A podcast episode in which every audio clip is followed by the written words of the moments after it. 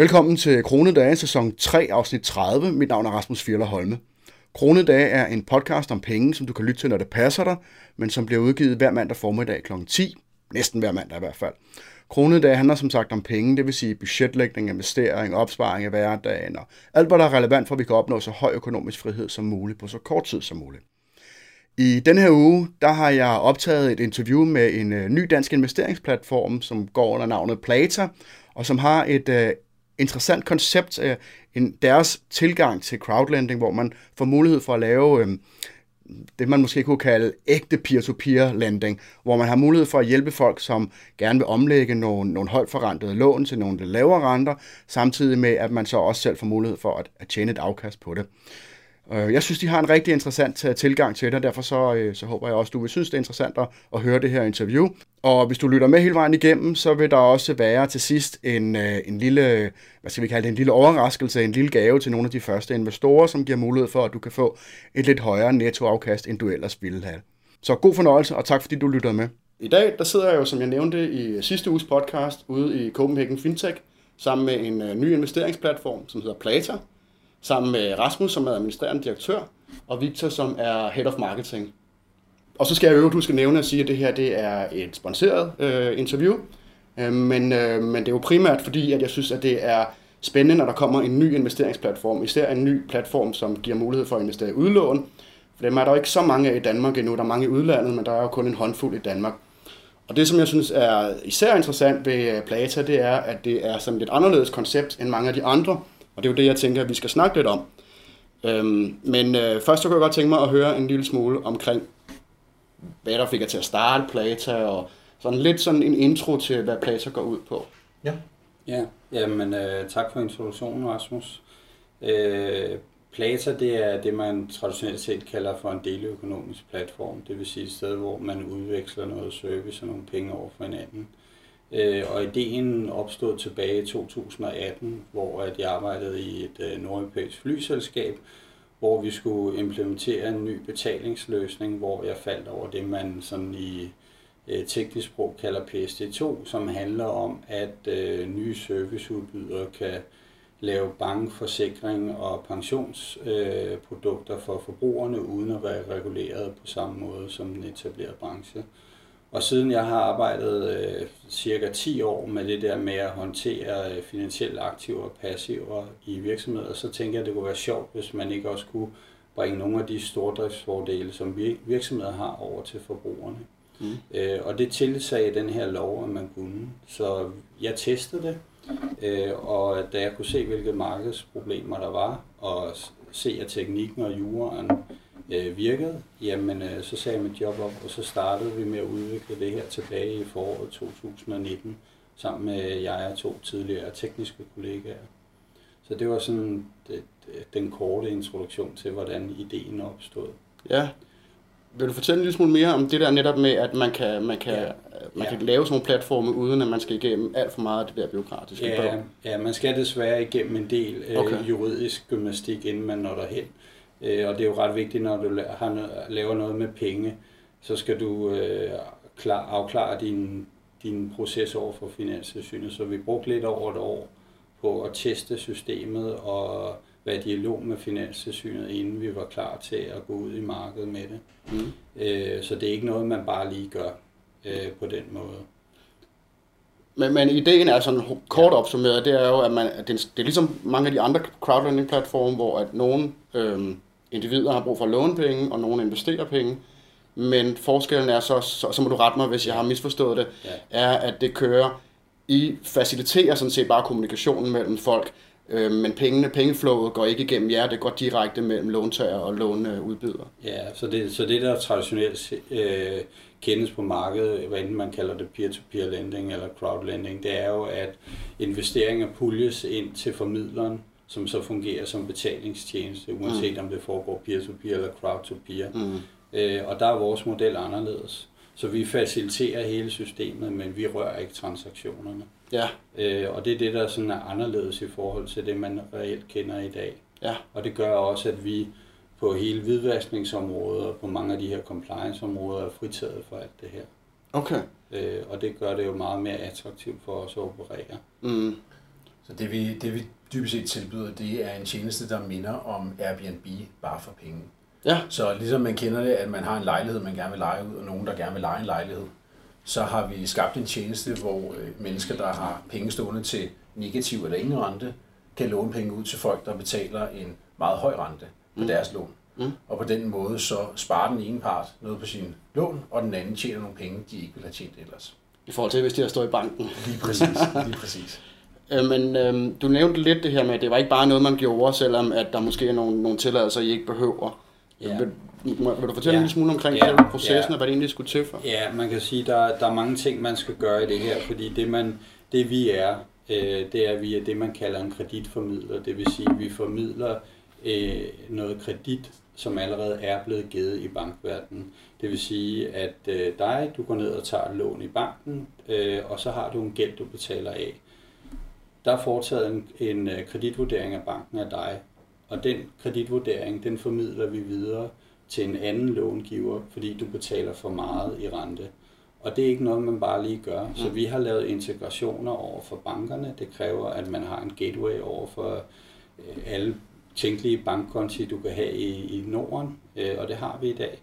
Vi har lavet en compliance-proces, der passer med den måde, man laver kreditvurdering i bankerne. Det er en til en med den, vi går ind og tjekker op på. Så vi laver et sanity-check på det, der er lavet. Vi kan gå ind og følge de transaktioner, der er blevet givet. Så hvis man for eksempel har optaget lån, men har misligeholdt det, siden man gerne vil refinansiere, så kan vi gå ind og tjekke om alt det her. Det er, det er lavet, og vi kan hjælpe med at lave budgetter og lave RKI eller debitor-check på, på, på den långiver, der gerne vil det, eller låntager, der gerne vil optage det her lån og mm. finansiere.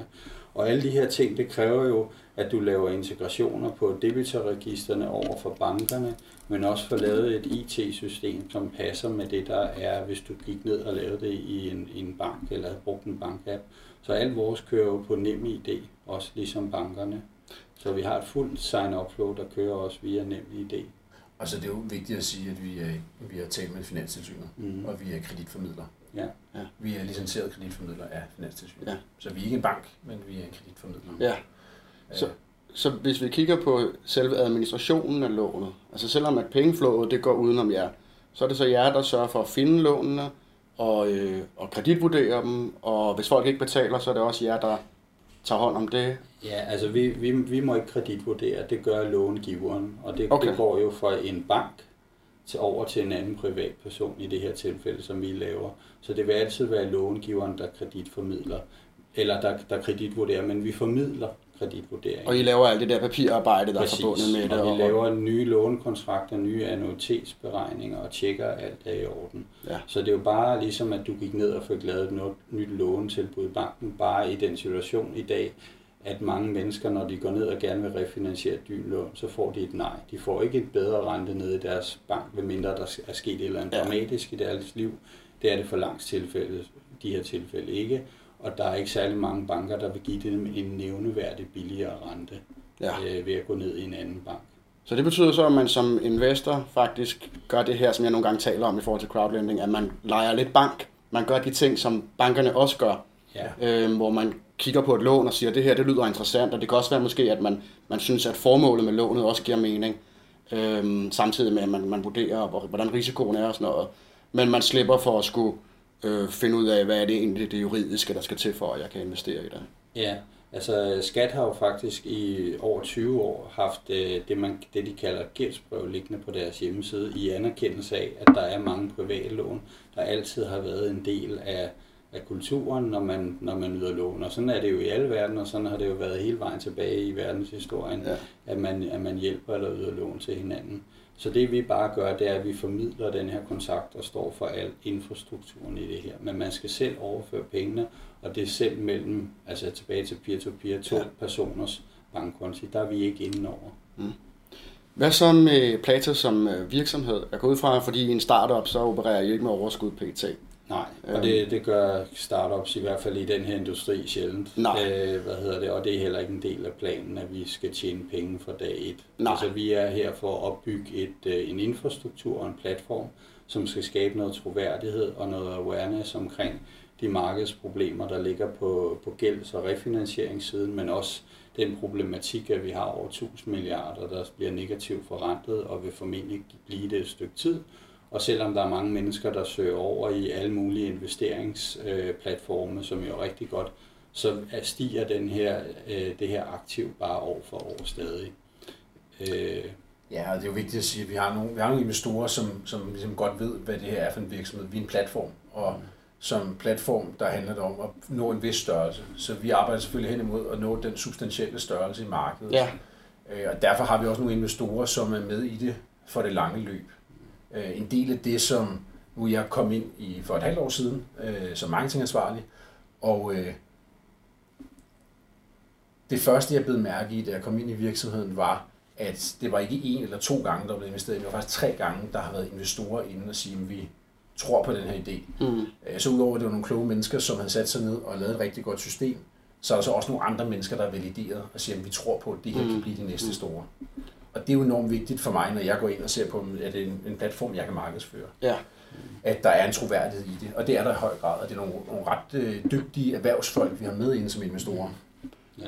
Altså gr- grunden til jo selvfølgelig, at jeg spørger, det er jo som med de fleste andre platforme, at øh, man ved jo godt, at det er de få af dem, der giver overskud, fordi at crowdlending eller peer-to-peer-lån er en relativt ny ting. Mm. Øhm, men, øh, men det hænger jo lidt sammen med, hvis nu at platformen skulle gå konkurs for eksempel, så er det rart at vide, hvad det er, der så sker med ens egen lån. Og her der er det jo, lånene er jo ikke jeres, så det vil ikke indgå i for eksempel en, en konkursbo. Er der en plan B i forhold til, hvordan det vil blive administreret? Øh, øh, ja, det er der, og vi har en, øh, et advokatfirma, der vil stå for den slags ting, og det er jo også det advokatfirma, der står for en eventuel en kasseproces, hvis det kommer i spil. Okay. Så det er der. Men, men som du selv siger, netop fordi den er anderledes, så det er heller ikke et tema over for os, at vi skal tjene penge. I starten det er jo et tema, at kunderne tjener penge ja. øh, fra dag i dag. Det er jo det, der er, er vores motiv i det her. Mm. Og, og, startup-rejsen. Og det man kan sige nu, det er, at der ligger et et forudgående arbejde over nogle år, som har ligesom været at skabe platformen, altså skabe de IT-systemer og de øh, hvad hedder det, tale med finanstilsynet og sørge for de her andre ting, så har det været at skabe en professionel bestyrelse, som øh, er kommet på plads her for ni måneder siden, med, øh, med, en rigtig, øh, med en rigtig dygtig øh, bestyrelsesformand, Jørgen Horvitz, som er bestyrelsesformand i rigtig mange andre virksomheder, har været direktør i, i flere større virksomheder. Øh, og så er det jo at sige, at nu er vi parat til at rykke som virksomhed. Nu har vi ligesom testet systemet igennem til et punkt, hvor vi er i markedet og er parat til at rykke. Nu har vi haft de første lån igennem. Ja, hvornår var det egentlig, I, I egentlig åbnet op? Fordi I har været med fra udgangen af 19, ikke? men I er først begyndt her for ja. nylig med... Ja, så vi, vi åbnede op tilbage i marts, øh, og vi har her i udgangen af sidste måned, så har vi rundet 1500 brugere. Og langt de fleste af de her brugere, der vil ombord på platformen, det er jo folk, der gerne vil låne friske penge. Ja. Og det er jo ikke ligesom det, der er vores målgruppe nu. Øh, så vi har måske en, et, hvad hedder det, en kundeportefølje lige i øjeblikket på 40. Så det, det er vores niveau, og som Victor siger, og så er det jo, vi har jo ikke rigtig gjort noget for ligesom at sætte noget i gang. Det er det, vi gør nu. Ja. Så, så det er ligesom... Så hidtil har det været rent organisk? Ja, ja. det kan du sige. Og nu, og nu går vi så til, til pengepuren. Ja. ja. ja. og de crowdfunding interesserede. Ja. ja. Øhm, der er en, en, en enkelt ting, jeg, jeg blev mærke i, da, da vi talte sammen om, omkring at arrangere det her. Ja. Det var, du, du nævnte, at øh, gebyret er en tredjedel af den rente, man får ind. Ja. Så hvis nu for eksempel jeg tjener 100 kroner i rente, så betaler jeg 33 kroner øh, til jer. Og det er lidt usædvanligt i forhold til mange af de andre platforme, fordi mange crowdlending-investorer er vant til, at de jo, øh, at det ikke er dem, der betaler.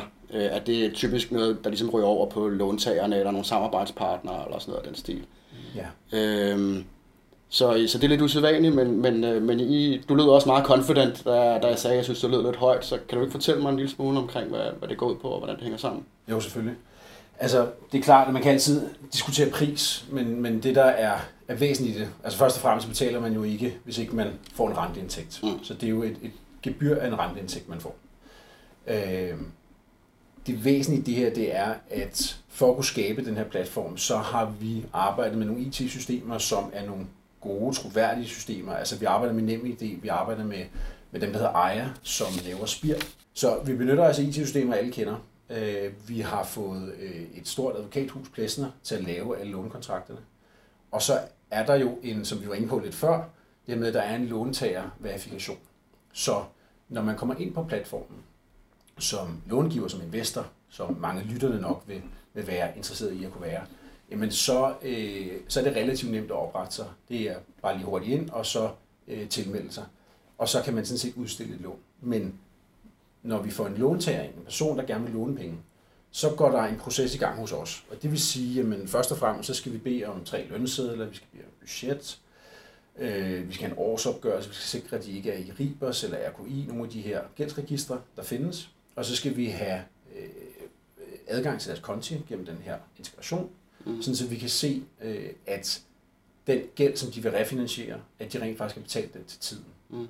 Så der ligger et, et stort manuelt arbejde i at sørge for, at de låntager, der rent faktisk kommer frem til platformen, også er i stand til at betale tilbage, og i hvert fald har en, en god øh, historie i forhold til det at betale deres lån tilbage til tiden. Så den tredjedel i gebyr, man betaler, er et gebyr, man betaler for, at vi til gengæld sørger for, at det ikke er alle, der kommer ind.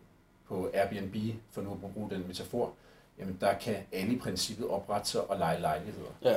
Der er ikke nogen øh, krav, og man kan ikke tjekke, om de har opført sig ordentligt før i tiden. Det kan man, når de så måske ikke har gjort det før, men her der gør vi jo alt, hvad vi kan overhovedet muligt for at sikre, at der ligger en, en valid proces. Og det er også der, vi afviser 4 ud af 5 indtil videre. Ja. Øh, det er klart, at når man har organisk markedsføring, så er der nogle bestemte, der finder dig øh, lidt nemmere end andre. Og nu skal vi selvfølgelig ud og, og fange endnu flere ind. Men, men vi har afvist 4 ud af 5, fordi de måske har de ikke forstået, hvad princippet var bag det her. Men, men vigtigst også, at de ikke har haft økonomi til det. Mm. Og så vil vi ikke tillade dem at komme ind på platformen. Og der ligger øh, den tredje del, vi tager på nuværende tidspunkt. Om det forbliver en tredje del, det er en diskussion værd øh, på et tidspunkt, men, øh, men for indeværende, så står vi inden for, at det er en værdifuld service i hvert fald, ja. vi leverer for det gebyr. Og så i praksis, det betyder så, så vidt jeg kunne se, at øh, I har en fast rente, der hedder 8%. Så det vil sige, at man kan også øh, man kan, man kan hurtigt smide det ind i regneark, hvor meget man regner med at få, fordi så får man 5,3 procent af i, ja. i netto afkast. Ikke? Jo, jo. Altså det, det er jo et annuitetslån. Ja. Ja. Så, og det, Rasmus, det forklarer ja, du altid ja. bedre, end jeg gør. Nej, men altså pointen er jo lidt, at det her, vi kigger ind i, det er jo det, man kalder lån uden, øh, uden pant, det vil sige uden sikkerhed. Det er typisk forbrugslån, billån og andre typer af haveprojekter og alt muligt andet. Og det er kun privatpersoner? Ja, og det er kun privatpersoner, vi kigger ind i, og det er kun gæld, der er optaget pengeinstitutter. Det er kun det, vi er interesseret i. Fordi det er der, hvor kreditvurderingen er skarpest og mm. dygtigst. Og hvad hedder det også, der, og vi kan gå ind og dokumentere alle tilbagebetalinger. Hvis der er en låntager, der har et ønske om at refinansiere, som ikke opfylder alle de her kreditvurderingskrav, så bliver det ikke udstillet.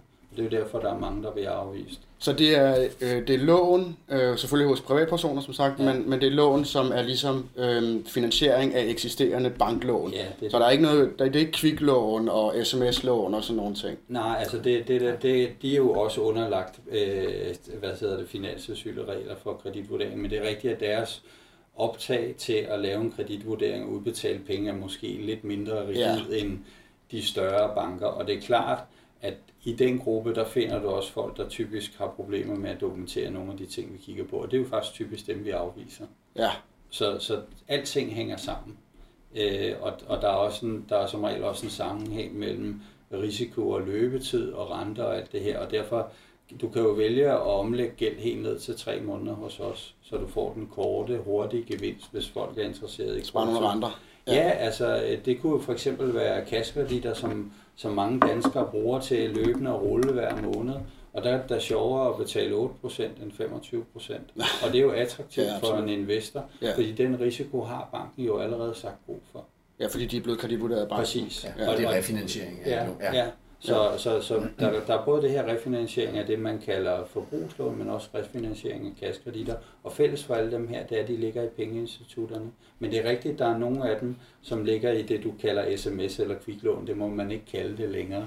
Men, men det er typisk heller ikke nogen, som, øh, som vi vurderer er kreditværdige, ja. eller i hvert fald vil, vil videreformidle. Så, så hvis låntager er blevet godkendt af banken, og de har fået et banklån, som de så vil refinansiere her, Øh, at tjekker I så op på, om, øh, om de stadigvæk lever op til de krav, som de blev godkendt på? Yes, det gør okay. vi. Så der, det er den samme øvelse, der kører igennem igen.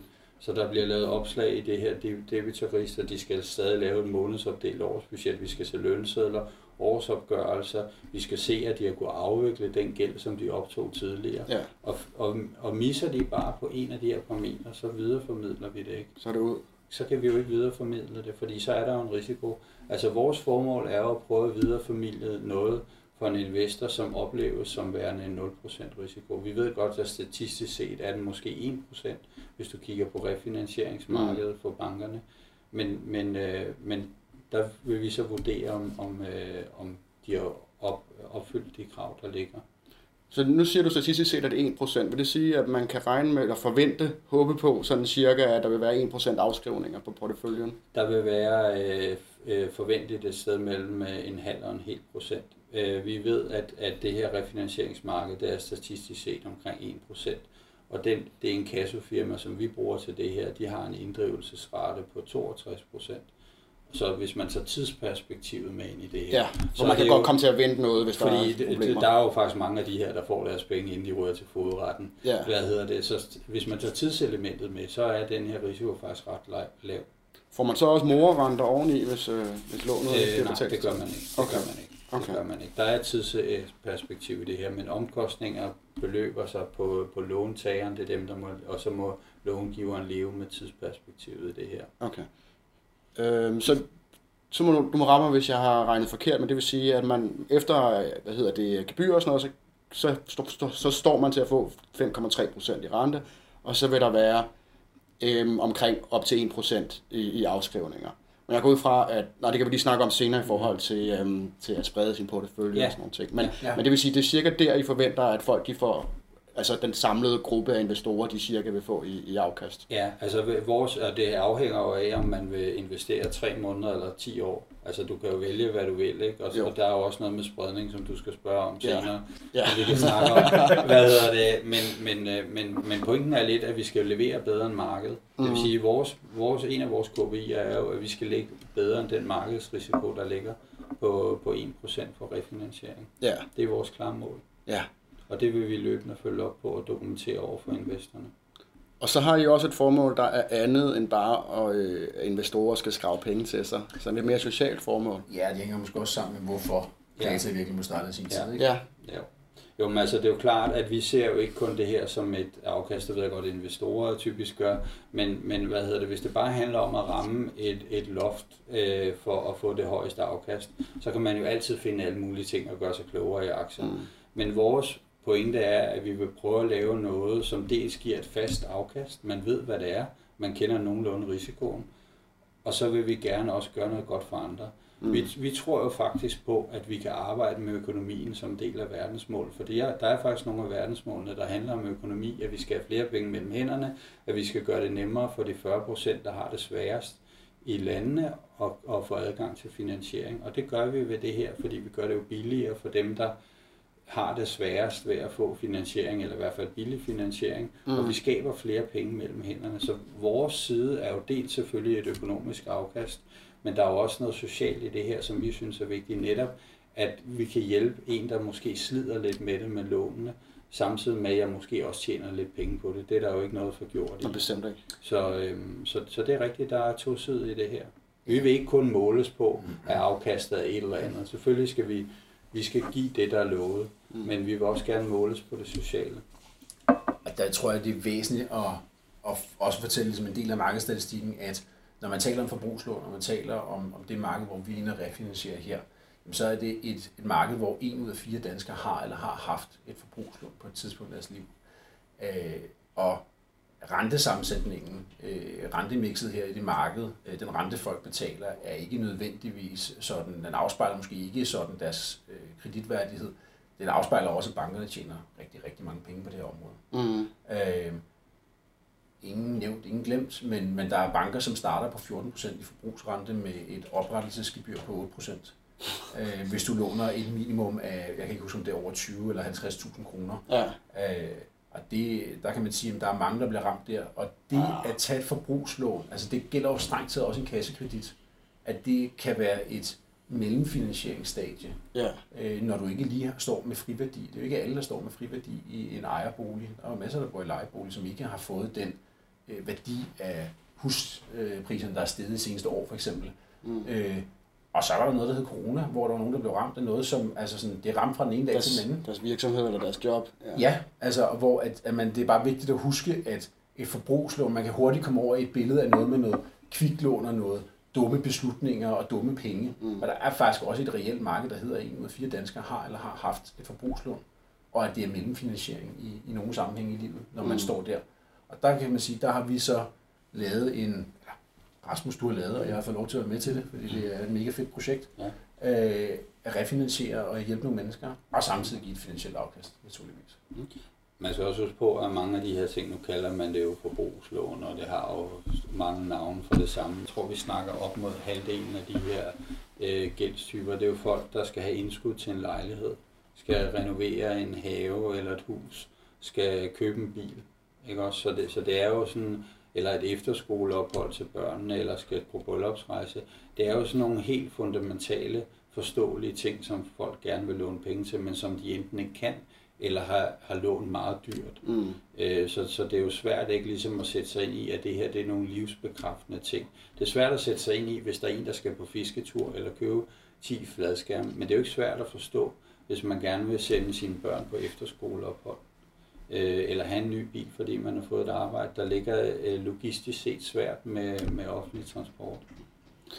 Så hvis vi nu skal se det sådan hele processen fra start til slut, så sådan fra helikopterperspektiv. Hvis jeg, jeg har et banklån, og jeg vil gerne have det refinansieret, hvad sker der så fra, at jeg ligesom ansøger hos jer, og så hele processen igennem, indtil at investor, øh, indtil jeg ligesom har afviklet mit lån? Ja, ja. Jamen, så lad os, lad os starte fra starten af. Øh, når man som investor kommer ind, så øh, tilmelder sig platformen, og så kan man udstille lån. Vi har gjort det nemt for, for dem, der gerne vil investere. Så man siger, at jeg vil gerne låne mine penge ud et sted mellem 3 måneder og 10 år, og jeg vil gerne låne et sted mellem minimum 10.000 op til en million kroner ud. Så lægger man det på platformen. Så kommer der en låntager i den anden ende. Øh, de kommer i en platform, opretter sig. Øh, vi kører alle de her ting igennem, som vi allerede nu har nævnt nogle gange, men altså den her lidt rigide proces for at sikre, at der er styr på det. Mm.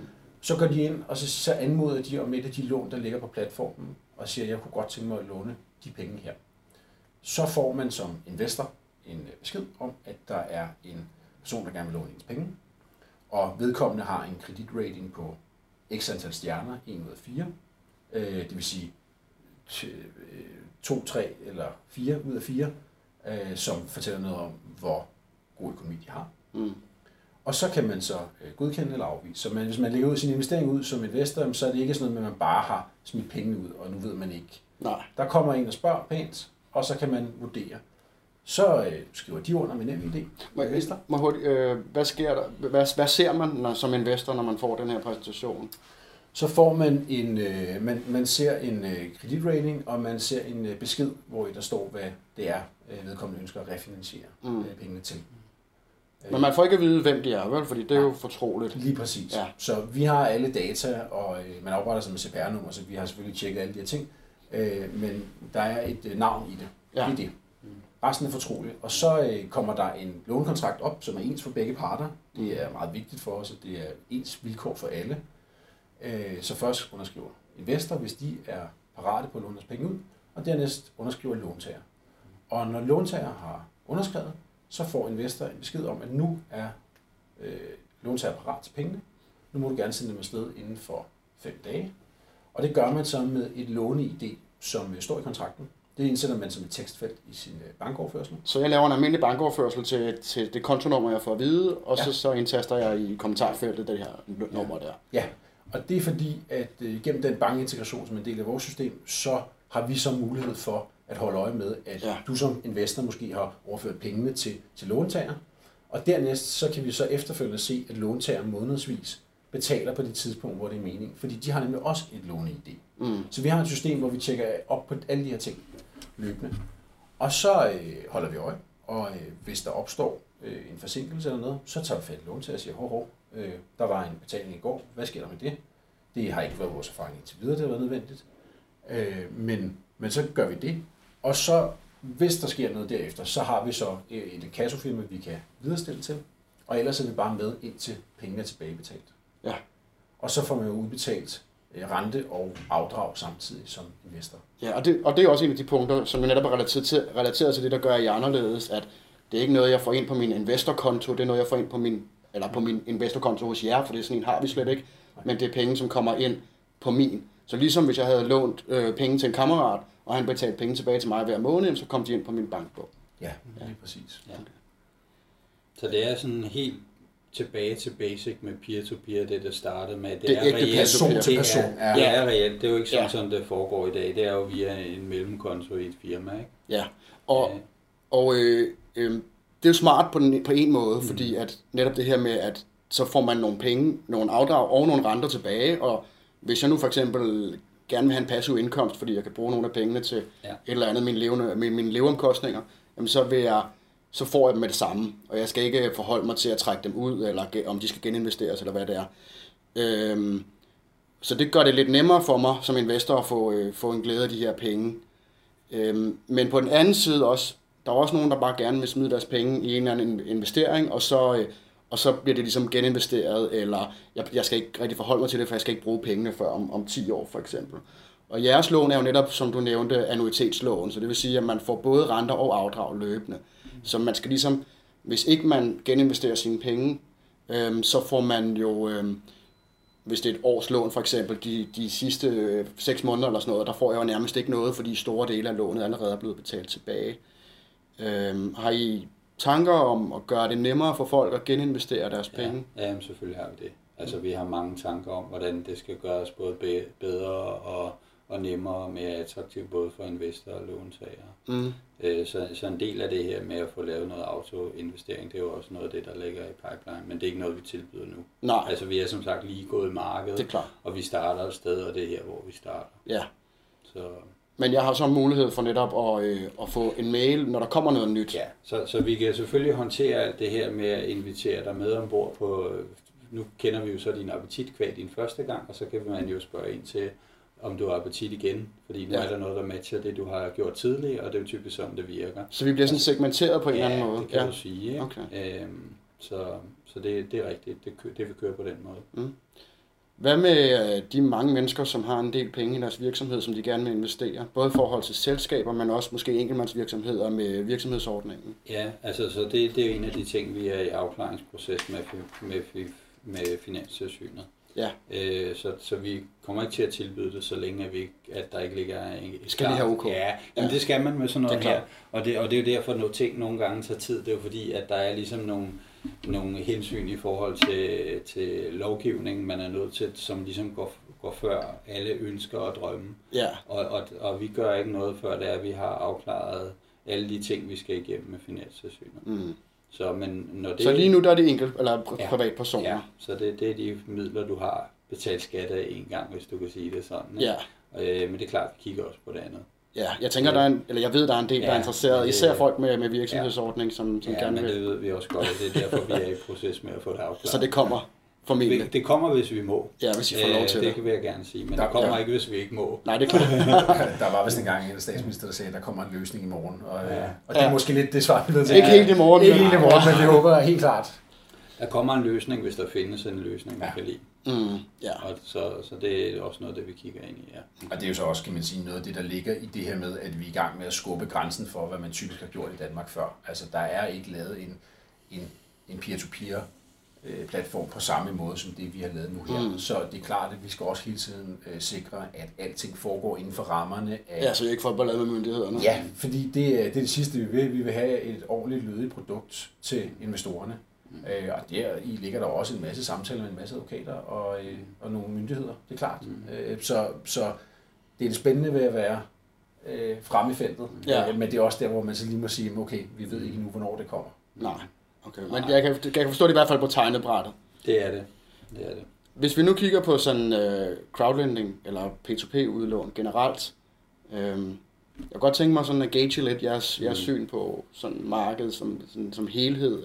Hvis nu jeg stod med, hvad ved jeg, 100.000 kroner, jeg skulle, og det var, det var hele min, min, min portefølje, hvor, hvor stor en andel tænker I, det giver mening at investere i, i, i sådan nogle udlånsprojekter? Ikke nødvendigvis kun jer, men også sådan Nej. crowdlending generelt. Altså, øh, vi, det, det er jo så også tilbage til lovgivningen. Vi er jo ikke rådgiver, så vi må ikke rådgive. Nej, det er også mere Men- personlige men, sådan men altså, jeg vil sige, at øh, igen tilbage til, til noget af sådan den elementære lærdom om at sprede sine, sine investeringer. Det er altid godt, det har, det har det altid vist at være.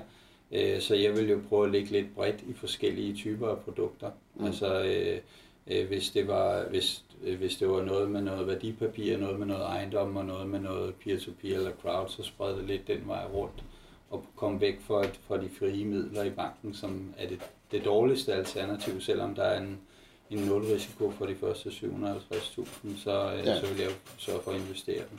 Hvis nu man tager øh, risikoen for øh, aktier her, ja og så øh, statsobligationer her. Ja. Hvor tænker du så? At... Jamen, så ligger vi over, og det er det, der er hele pointen ved vores, det er, at vi har prøvet at skabe, vi har skabt en platform, hvor at det produkt eller den service, vi udbyder, det er, at vi tilbyder en mulighed for at investere i noget, der ligger så tæt på det her med de frie midler og obligationer, som er 0% risikoen men hvor det er, at du har et afkast, der, der lugter lidt mere af det, du finder på crowdlending mm. og aktiemarkedet. Mm. Øh, og det, der så er forskellen på os, det er jo, at du kan være meget bred i din, øh, i din tidshorisont, altså fra 3 måneder op til 10 år. Du kan være meget bred i din investering, det vil sige, hvis du for eksempel har 100.000, som du gerne vil smide det her, så, så vil, så vil jeg, hvis jeg var dig, så nu skal jeg nok være med at rådgive, men så hvis jeg var dig, så vil jeg tænke, så deler jeg det i i 4 gange 25 eller 5 gange 20 eller 10 gange 10 eller hvad det nu er, og så på den måde sprede det ud, og måske mm. gå sammen med en anden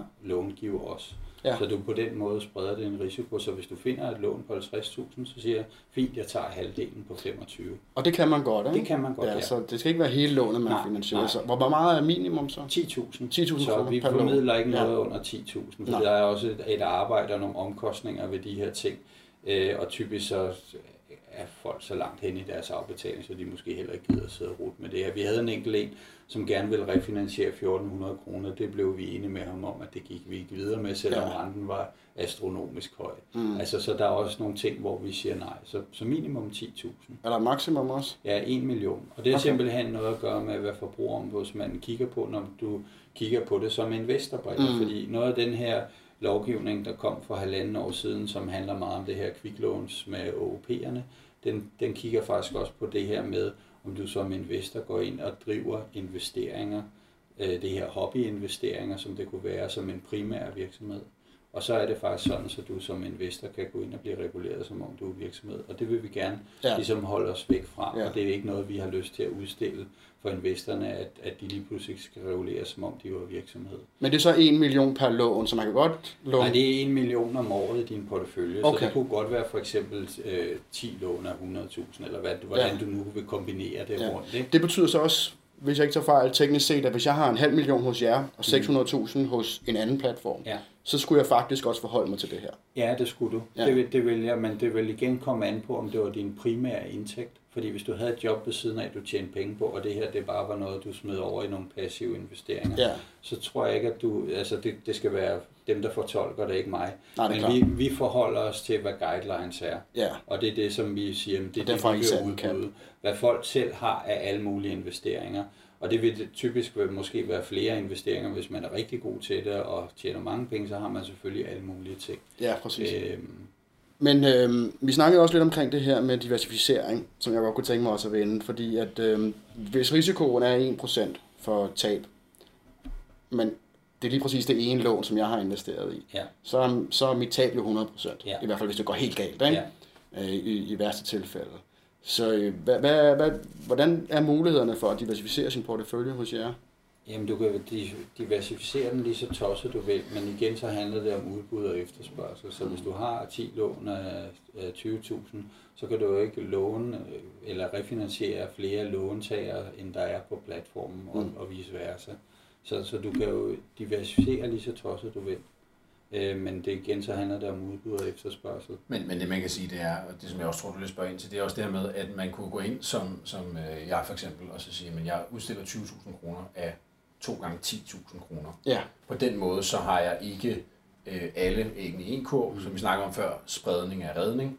Øh, så har jeg øh, to lån af 10.000 kroner. Ja. Øh, og så kan man sige, at det kan både fungere sådan, at det kunne være to mennesker, der hver især vil låne 10.000 kroner, men det kunne jo også strengt taget være to mennesker, der begge to gerne vil låne 20.000 kroner, hvor jeg kun Finansierer halvdelen af Ja, lige præcis. Ja. Så er der en anden med øh, finansieringspartner ja. på det. Ja.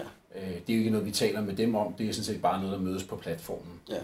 Og det er umiddelbart, tænker jeg, en god strategi, så man ikke netop selv hvis risikoen er lille, Ja. hvis, hvis man kun har et lån, så ligger man ret meget på, øh, på et bræt. Ja. Ja, og så tager vi også kontakt til kunderne løbende øh, og siger, man, vi kan se, at du har udstedt nogle penge, vi kan se behovet af et lidt andet, men hvis du deler det her lån op, eller hvis du deler din ønskede investering op, så kan vi sådan set øh, matche dig med en herover, som er interesseret i, måske ikke at låne 60.000, men at låne 30.000.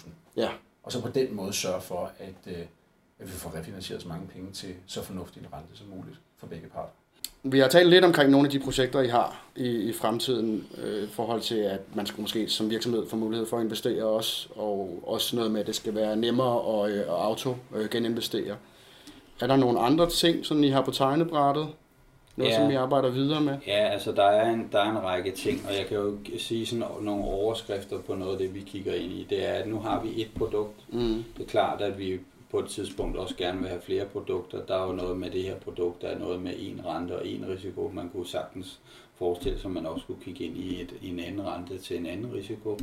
Øh, Det er der en appetit for, det kan vi se i markedet. Noget af det, som vi også kigger på, det er det der med at gøre det mere investorvenligt. Det kunne fx være det her med autoinvestering. Mm. Vi kigger også ind i at, at, at hjælpe både låntager og långiver i forhold til betalingsflowet, så det kan køre via NemID, så man ikke skal gå ind i sin, øh, sin netbank eller mobilbank, eller hvor man nu går ind og laver de her ting, så man kan lave det én gang, så du kan gå ind og lave, ligesom betalingsservice faktisk gå ind og lave en, en det er jo de identiske beløb, der skal køre de næste 12, 6, 18 måneder, eller hvor lang tid det løber, så man går ind og gør det én gang og godkender det én gang. Så det er også noget det, vi gør. Altså godkende autoinvestering? Eller? Nej, jeg skal gå ind og godkender lånet, sådan så at man Ja. ja. går ind, og når du, når du optager et lån, så skal der jo laves en udbetaling og 12 tilbagebetalinger, hvis det nu er det. Og i stedet for, at man skal gå ind og gøre det øh, hver især, og måske gøre det en gang om måneden fremadrettet, så gør man det en gang, når, når kontrakten bliver underskrevet, så der bliver lavet en udbetaling, og der bliver lavet 12 tilbagebetalinger til nogle fortløbende datoer. Så det er noget af Okay. det, vi gerne vil gøre smidigere og bedre, fordi så er det ikke noget, man skal huskes på, Mm. så er det noget, der er gjort, og vi kan gå ind og se i systemet, at det er godkendt. Også det, der ligger fremadrettet. Ja, okay. Og så, så man kan sige, det vi kigger frem imod, det er at udvide produktporteføljen forhåbentlig fremadrettet. Mm. Og nu ser du risiko og, og afkast, og de to ting hænger jo typisk sammen. Og det kan jo, at vi kigger sådan set både i den ene retning og i den anden retning, altså både højere og øh, højere afkast med højere risiko, men vi jo også ned imod øh, lavere afkast, men måske med garanti på lånene. Øh, det er jo sådan noget, der ligger ude i fremtiden, så øh, Mm. mm. det er stadig på tegnebrættet. Øh, og så ser vi selvfølgelig på, at som platform, så skal det her fuldt automatiseres. Det skal gøres Ja, så det skal være så nemt som muligt. det skal være så nemt og lækkert som muligt, at man som bruger ikke er i tvivl om, at det er her, man skal lægge en stor del af sine investeringer. Mm. Øh, fordi det giver mening. Ikke bare fordi, at, øh, at øh, vi er nice, men fordi det er et, et fantastisk produkt. Ja. Øh, og det er det på nuværende tidspunkt, men det kommer til at blive endnu bedre i fremtiden. Hvis nu øh, I sådan, øh, skulle lave en øh, meget hurtig elevator pitch, om, øh, nu har I jo allerede, du har lige, næsten lige gjort det, Ja, men, men sådan lige fortælle folk, hvad er det, der er så fedt ved, øh, ved jer, at folk Ja. skal gå ind og, og investere deres penge der? Ja, altså man kan sige, øh, lad os starte med det oplagte. Plata, det betyder på spansk sølv, men det er guld værd for dig, der vil låne og udlåne penge.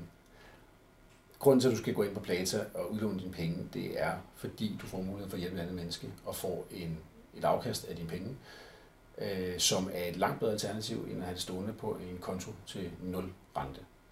Øh, vi gør vores ypperste for at skabe en sikkerhed, en tryghed og en tillid til, at øh, alle lån bliver betalt tilbage, og vi har en rigtig god og rigid proces for at sikre, at låntager på platformen ikke bare øh, kommer til at pisse dine penge væk, men tværtimod bliver en rigtig god investering for dig. Og øh, ja, hjemmesiden hedder jo plata.dk, p l a t a.dk. Ja. Og, øh, og så har I også et øh, tilbud til de første, der, der skriver sig op. Ja, det skulle vi, øh, ja, de næste, øh, de næste, Ja, som, de- øh, som hører det her i podcasten. præcis. Øh, jamen, de første 50, der hører det her podcast og øh, har lyst til at prøve det, vil vi godt give et øh, gebyrfrit lån, så man får det fulde afkast på, på 8%. Så øh, hvis man hører det her podcast og tænker, det vil jeg gerne prøve, så er der ekstra i øh, pengeposen her det første stykke tid. Øh, og det man gør, det er, at der er en tilmeldingskode inde i tilmeldingsflowet, hvor man skriver pengepuren 2021. Pengepuren 2021 Ja. inde i tilmeldingen. Lige præcis. Ja. Der er simpelthen sådan en felt til tilmeldingskode. Ja. Og så ved vi, at øh, man er gebyrfritaget. På den måde får man det fulde afkast. Så, øh, så det er en, en gave, jeg i hvert fald gerne vil give til, til dine lyttere. for at få nogle flere mennesker ombord på platformen. Det er, Så er der flere, der kan prøve det. det er kanon. Jeg Ja. håber, der er mange, der får glæde af. Ja, vi skulle have 50, der får glæde af. Ja, lige præcis. Det var, øh, det var interessant at høre, hvad I havde at tale om. Vi har jo allerede snakket lidt, men jeg synes, det var spændende ligesom at få det, få det kørt igennem og høre hele, hele, sådan, hele konceptet. Ja. Så øhm, jeg håber, Tak fordi, at øh, du tog dig tid til det. Ja, selvfølgelig. Og tak Ja. fordi jeg blev inviteret herud. Ja, Tak. fedt.